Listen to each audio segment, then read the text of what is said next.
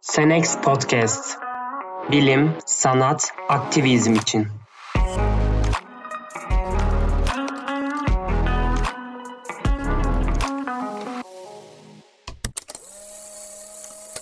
Merhaba sevgili dinleyiciler. Seneksizden Podcast'ın bu bölümünde göç, göçmenler ve göçmenlik hakkında Türkiye'ye gelişleri, nitelikli göçü ve bu kapsamda Türkiye'nin göç politikalarını ve oldukça güncel bir konu olan iklim krizine bağlı göçü, bireysel ve toplumsal etkilerini, insan hakları ve yaşlı hakları bağlamında konuşacağız. Bugünkü konuğumuz Yalova Üniversitesi'nden doçent doktor Polat Alpman. Merhabalar hocam, nasılsınız? Merhabalar, teşekkür ederim. İyiyim. Davetiniz için teşekkür ederim. Sizler de iyisinizdir umarım. İyiyiz hocam, teşekkürler. Biz davetimize katıldığınız için biz de teşekkür ederiz. Öncelikle bize bir göçün ne olduğundan ve temel nedenlerinden kısaca bahsedebilir misiniz?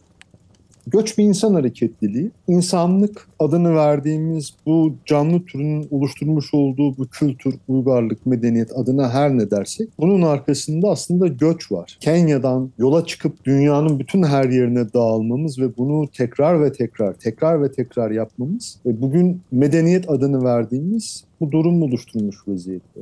Göç birçok sosyal olgu gibi karmaşık, katmanlı, çok bilinmeyen denklemlerden oluşan ve psikolojiden antropolojiye, siyasetten iktisada, sanattan felsefeye, mimariden el sanatlarına her alanı etkileyen bir mesele.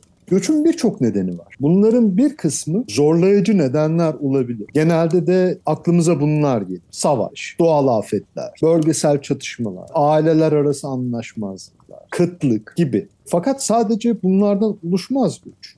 Yeni fırsatlar, yeni arayışlar, eğitim olanakları, sağlık hizmetleri gibi başka nedenlerden dolayı da kaynaklanır.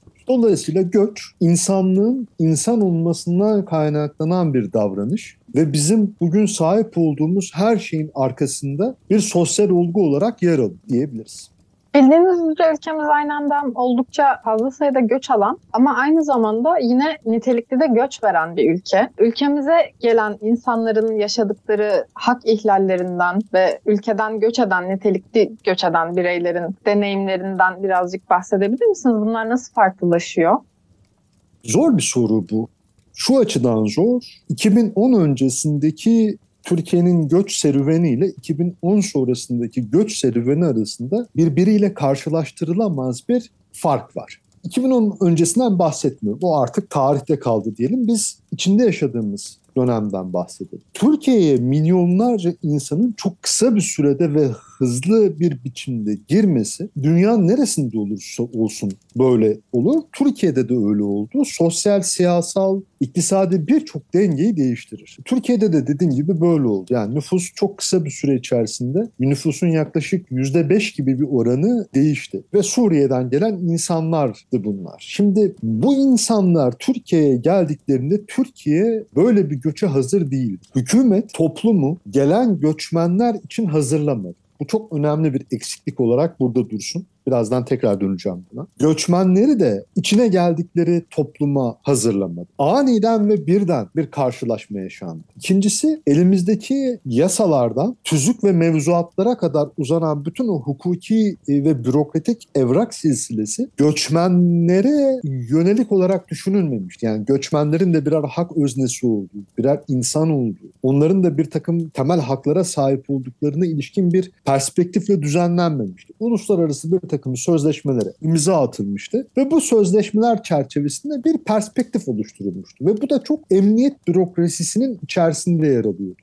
Bizde çok sonradır göç idaresinin kurulması. 2014 diye hatırlıyorum. Şimdi böyle bir ortamda hükümetin aklına gelen şey konuyu dinselleştirmek. İşte ensar ve muhacir meselesi ve geçicileştirme. Şimdi bu ikisi de çok riskli hamleler. Yani hem dinselleştirmek çok riskli hem de geçicileştirmek çok riskli. Çünkü göçmenler gitseler bile göç bir olgu olarak devam edecek. Yani Türkiye ve dünyanın birçok ülkesi her zaman göçle karşılaşmaya devam edecek. Süreç ilerledikçe göçmen iş gücü üzerindeki baskı arttı. Onlar ucuz iş gücüne sürüklendiler. E, orada istihdam edildiler. Buradan oluşan onlara yönelik bir hak gaspı başladı. Beraberinde göçmenlerin sahip olduğu bu eşitsizlik durumu onların çok yönlü haksızlığa maruz kalmasına neden oldu.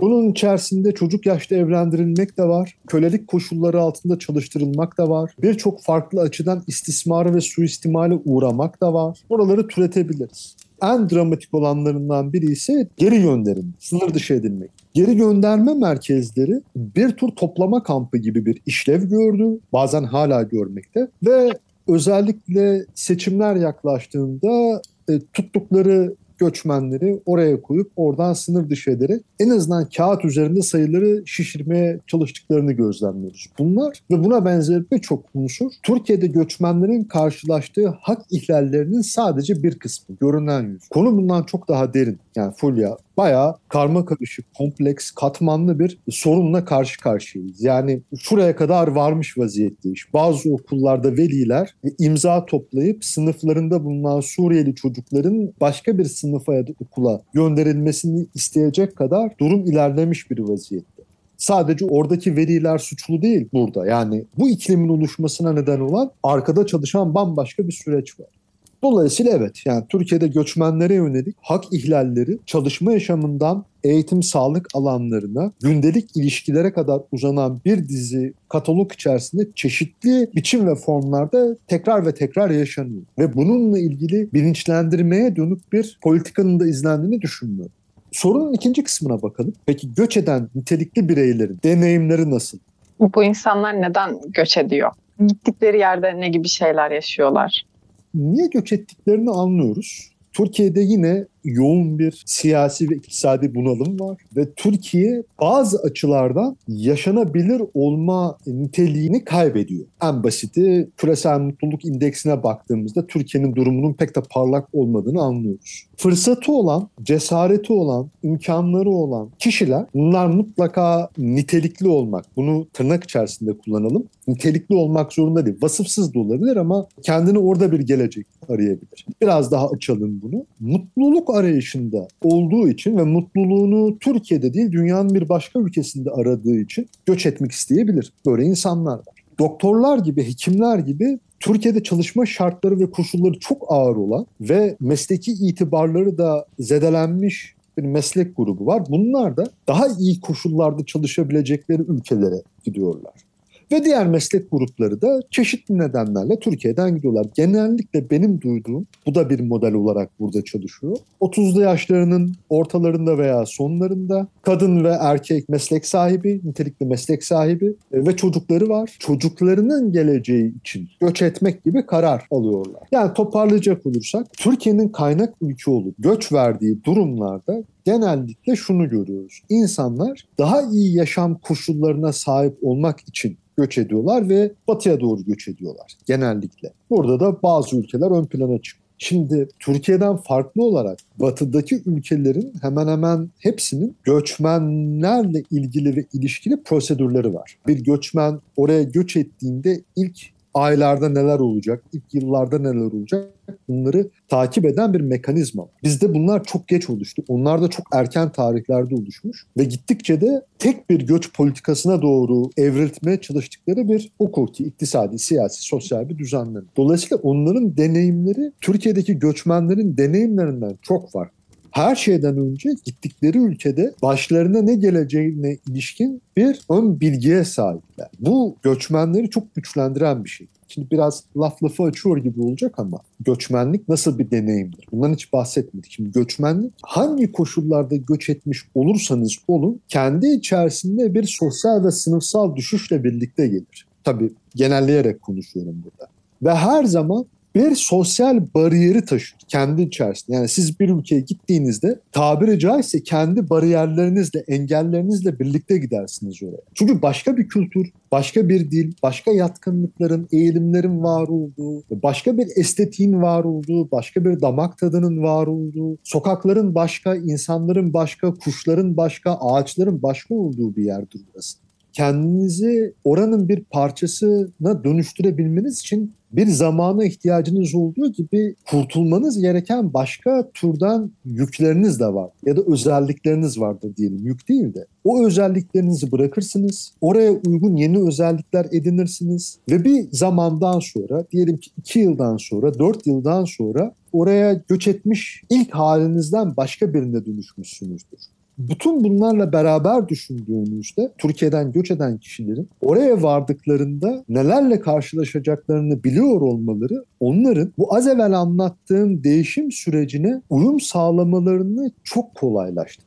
Bunu bilmediğinizde dirençler üretirsiniz. O dirençler sizin içine yeni geldiğiniz topluma uymamak, kendinizi bir biçimde oraya ilk geldiğiniz haldeki gibi muhafaza etmeye dönük dirençlerdir. Dolayısıyla toparlayacak olursak şöyle bir iddiada bulunabiliriz. Türkiye'den göç edenler göç ettikleri yere uyum sağlamak üzere göç ediyorlar. Türkiye'ye göç edenlerse başka motivasyonlara sahipler. Türkiye'de bürokrasi, hükümet, siyasal yapı, iktisadi politikalar Türkiye'ye gelen göçmenlerin hak ihlallerinden azade olmalarını, hak ihlaline uğramamaları için düzenlenmiş değil. Dolayısıyla onları hak ihlallerine de açık hale getirmiş bir durumda. Ama Türkiye'den göç edenlerse çok oturmuş göç siyasetlerinin, politikalarının olduğu, uyum ve entegrasyonun bir biçimde sağlanabildiği bir kurumsallığın içerisine göç ediyorlar. Bu arada şey de söyleyeyim yani oraya da çok idealize etmemek lazım. Çok genel konuşuyoruz şu anda. O yüzden bunları ifade ediyorum. Ama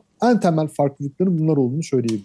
Hocam peki az önce Türkiye böyle bir göçe hazırlıklı değildi demiştiniz. Böyle bir göçe hazırlıklı olabilmek mümkün mü? Hiç zannetmiyorum. Yani dünyada hiçbir ülke binlerce, on binlerce, yüz binlerce insanın birden çok kısa bir sürede sınırlarından içeri girmesine hazır olamaz. Yani ulus devlet adını verdiğimiz bir siyasi rejim altında yaşıyoruz bugün dünyada ve ulus devletlerin kendi krizleri var. Biz bu krizlerden birini yaşıyoruz. Ulus devletler uyruk olmayı yurttaşlık ilkesine bağlıyorlar. Yani o ülkede yurttaşsanız sizin bir takım haklardan yararlanma e, hakkınız var. Bu tanınmış bir hak. Otorite, buradaki tartışmamızda bu devlet oluyor. Bunu tanıyor. Şimdi yurttaş olmayan insanlar söz konusu olduğunda ne olacak? Onların bu ülkedeki var olma olanaklarını, koşullarını belirleyen temel yasalar nasıl düzenlenecek? Bu basit bir mesele değil. Bu çok karma karışık bir mesele. Örnek vereyim bir tane. Yerel yönetimlere katılma hakları var. Çünkü onlar da sizin gibi, benim gibi bir ilçede, bir beldede, bir köyde, bir yerde ikamet ediyorlar.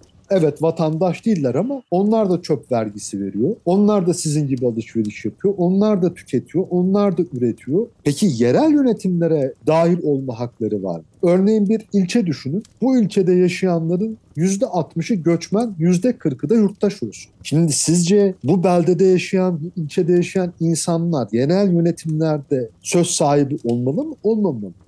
Bunları hiç düzenlemeden, bunları hiç hesap etmeden, Buna, buna benzer meseleleri hiç gündeminize almadan birdenbire milyonlarca insanla karşılaştığınızda afallamanız çok normal. Büyük ihtimalle hükümet de böyle bir şeyi o dönemde planlamamıştı. Ben hatırlıyorum Ahmet Davutoğlu şöyle bir açıklama yapmıştı. 100 bin bizim psikolojik sınırımızdır demişti. Yani bugün milyonlarca insan var Suriye'den gelen. Demek ki evet yani burada çok açık ve net, öngörüsüz, hesaplanmamış, planlanmamış, hiçbir biçimde herhangi bir düzenlemeye tabi tutulamayacak bir öngörüsüzlük var diyelim hani kibarca. Zaten hocam benzer biçimde şu an Avrupa'da bir krizin içinde Ukrayna-Rusya savaşından dolayı. Onlardan da Ukrayna'dan bir sürü göç eden insanlar onlar da benzer sorunlar yaşıyorlar.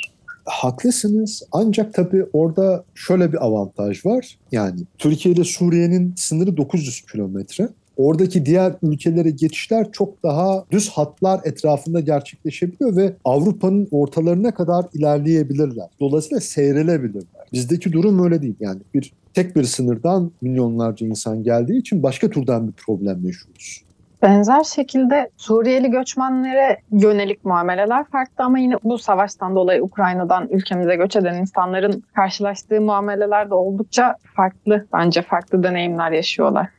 Türkiye'de bir tür Arap fobisi diyebileceğimiz bir fobinin de belki 100-150 yıldır var olduğunu söyleyebiliriz. Yani özellikle aslında Kemalist tarih yazımının bir parçası bu. Araplardan tiksinmek, iğrenmek, korkmak, sevmemek üzerine kurulu bir tarih anlatısı var idi Türkiye'de. Bunun belki yani sizler de hatırlarsınız ama ben hatırlıyorum kendi lise eğitimimde. Araplar bizi arkadan anlatısı. Bir de dediğim gibi yani Arapları pis ve kirli göstermek. İşte elleriyle yemek yiyorlar, şöyle yapıyorlar, böyle yapıyorlar. Şimdi bu beraberinde bir Arap fobisini de getiriyor. Dolayısıyla iyi göçmen kötü göçmen profili var. Eğer Avrupa'dan geliyorsa onun medeni, uygar. Dolayısıyla Türkiye'ye göç ettiğinde bizim kazançlı olduğumuz ama eğer doğudan geliyorsa özellikle de Arap savunlar kirli, pis, e, hain ve bizim değerimizi yitirmemize neden olan. İşte Araplaşacağız hepimiz. Hepimizi Araplaştırdılar. Araplaştıracaklar. Benzeri anlatılar hep bu çerçevede kurulu. Bu çok tehlikeli tabii. Yani gerçek değil. Bunu söylememe gerek var mı bilmiyorum ama diğer taraftan çok korkutucu da. Çünkü bu bir etnik gruba ilişkin nefreti örgütlemek anlamına geliyor. Hocam bir sonraki sorum birazcık zorunlu göçle alakalı. Zorunlu göç ve göç eden yaşlılar dezavantajlı mı? Şimdi zorunlu göç Türkiye'de de yaşanan ağır sosyal ve siyasi sorunlardan biriydi. Hala yeteri kadar konuşulmadığı kanaatindeyim. 1990 ve 2000 yılları arasında 10 yıl boyunca Kürtlerin yaşadığı bir süreç var. Köylerin insansızlaştırılması da diyebiliriz buna. Bu bir zorunlu göç politikasıydı ve yüz binlerce belki milyonlarca insan zorunlu göçe maruz kaldı. Göç alanı açısından zorunlu göç dediğimizde ise literatürde işte afet gibi doğal hadiselerden de bahsedilir. Ama aslında siyasi nedenlerin ön plana çıktığı bir göç türüdür zorunlu göç. Dolayısıyla hemen aklımıza savaşların, çatışmaların gelmesi çok doğal. Zorunlu göçte devletin, silahlı örgütlerin, devletler ya da silahlı örgütler arasındaki şiddet içeren mücadeleler neticesinde ortaya çıkan bir göç var. Bazen devletler ya da silahlı örgütler sivilleri göçe zorlar. Yani bir fiil onları göçe zorlar. Bazen bunu nüfus değişimi için yapar. Yani işte X noktasında kimler var? Burada şu grup yaşıyor, bu grup yaşıyor? Devlet ya da silahlı bir güç oradaki insanları göçe zorlayıp oraya kendisine yakın bulduğu etnik grubu yerleştirir. Yani bir iskan politikası oluşturulur.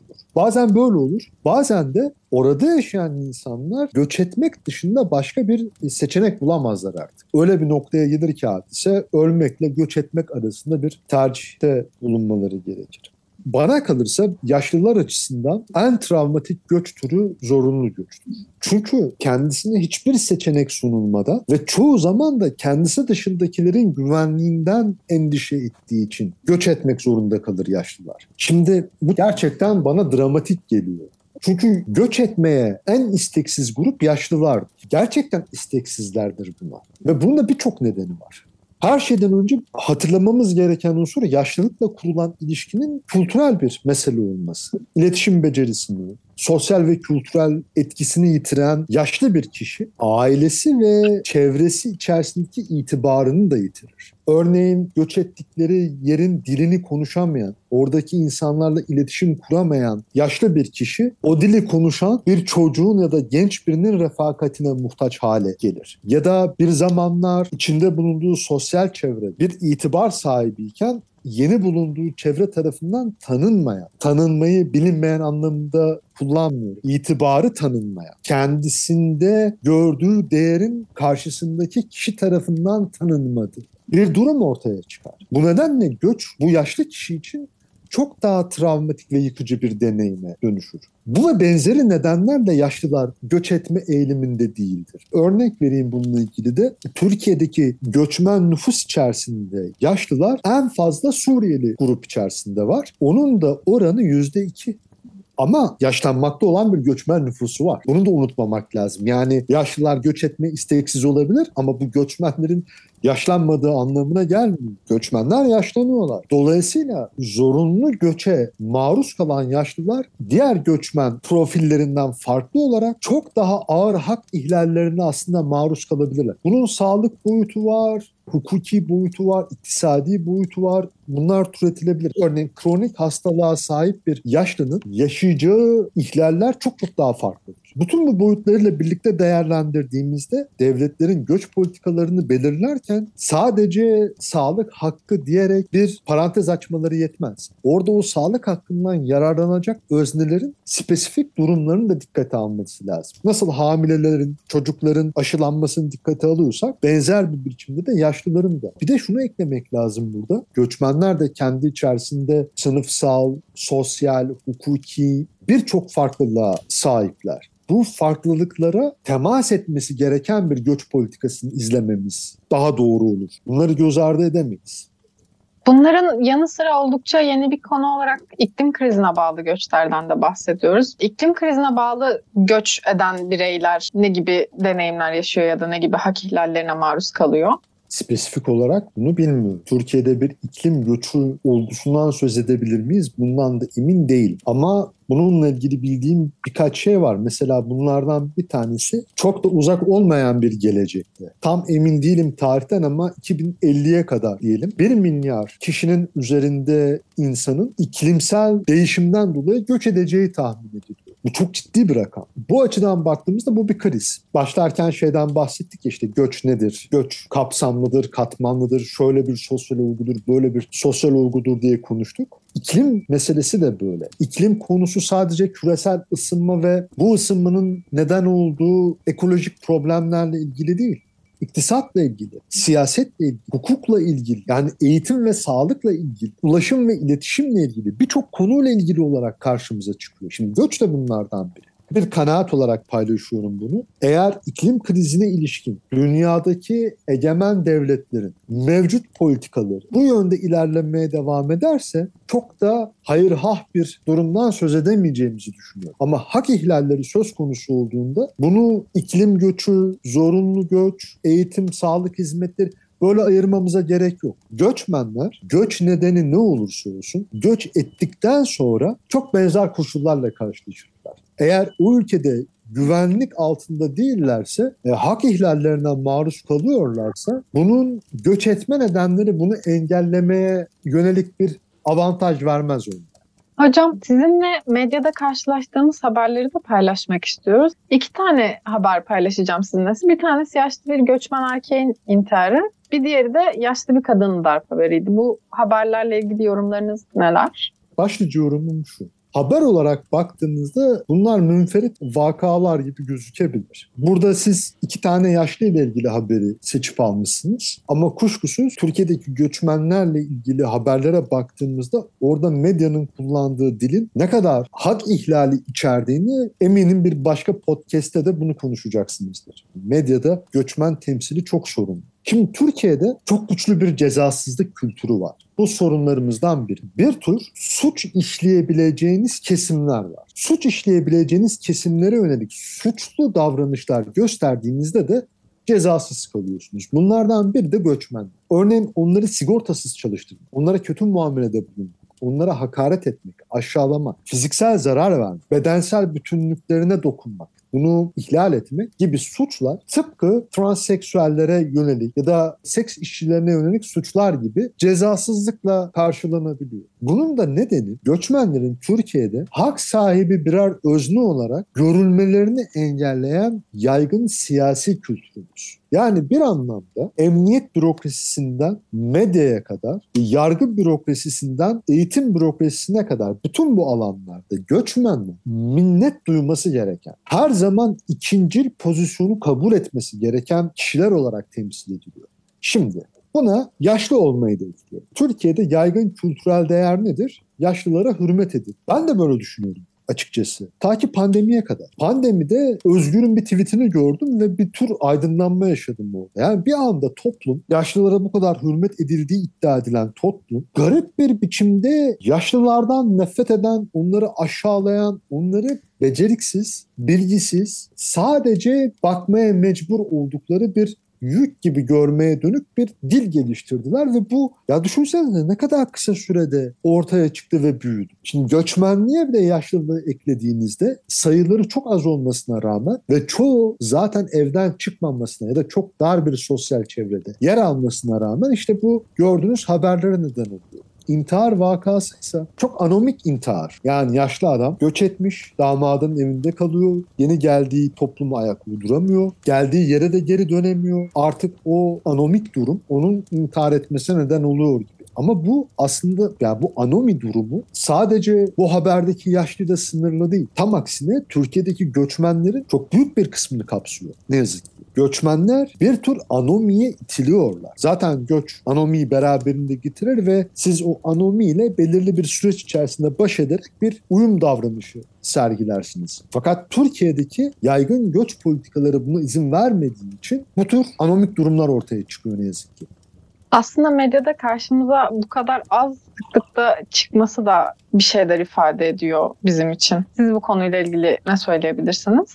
Göçmenlerle ilgili haberler göçmenlerin bir sosyal sorun olarak ortaya konulacağı zaman yapılan haberler. Az önce de söylemiştim. Yaşlılar göç etme eğiliminde değildir. Göç ettiklerinde de hayatın içerisine karışmak konusundaki birçok becerilerini kaybederler. İletişim becerilerini mesela kaybeder. Sosyal ve kültürel becerilerini kaybeder. Bunları yeniden üretemezler yeni geldikleri toplumda ve çok dar bir çevrenin içerisine sıkışırlar. Dolayısıyla eğer siz o ülkede, farazi bir ülkeden söz ediyor, yetişkin eğitim kursları düzenlemiyorsanız, yaşlıların sosyal kültürel becerilerini geliştirmek için çeşitli e, girişimlerde bulunmuyorsanız, aktif yaşlanma dediğimiz pratiğin gerçekten hayata geçmesi için sizin bir sosyal politikanız yoksa yaşlılar ne yapacak? Görünmezleşecekler. Yoklarmış gibi olacak. Zaten az sayıdalar. Bir de eksik sosyal politikalarınız nedeniyle daha da geriye çekilecekler. E, Türkiye'deki durum da biraz bu. Yaşlı göçmenlerin haber olmasının tek koşulu bir olaya karışmış olmaları ve orada aşağılanacak, tahkir edilecek olmaları. Eğer öyle bir durum söz konusu değilse en fazla bir kamu spotu olabilirler. Hocam bildiğiniz gibi Senek Sizleme bu konuyu hak ihlalleri bağlamında takip ediyor. Göçmen olarak nitelendirilen bireylerin çeşitli negatif etiketlemelere maruz kaldığını biliyoruz. Göçün neden olduğu ya da olabileceği sorunlara ve hak ihlallerine karşı bu konuda bir uzman olarak siz hak savunuculara ellerini güçlendirebilecek ne önerebilirsiniz?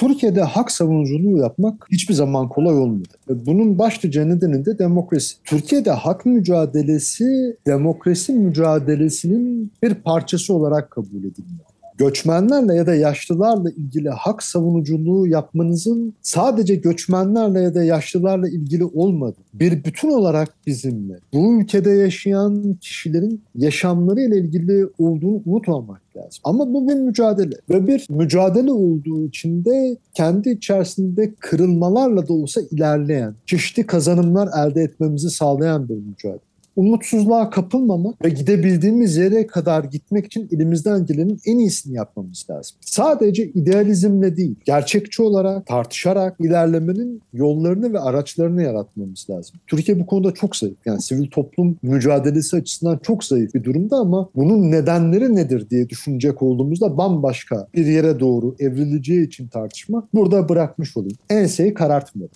Teşekkürler hocam. Bugün bize katıldığınız ve vaktinizi ayırdığınız için çok teşekkür ederiz. Rica ederim. Ben teşekkür ederim. Senex'e başarılar diliyorum. Teşekkür ederiz hocam. Bizi dinlediğiniz için teşekkür ederiz. Bir başka bölümümüzde görüşmek üzere.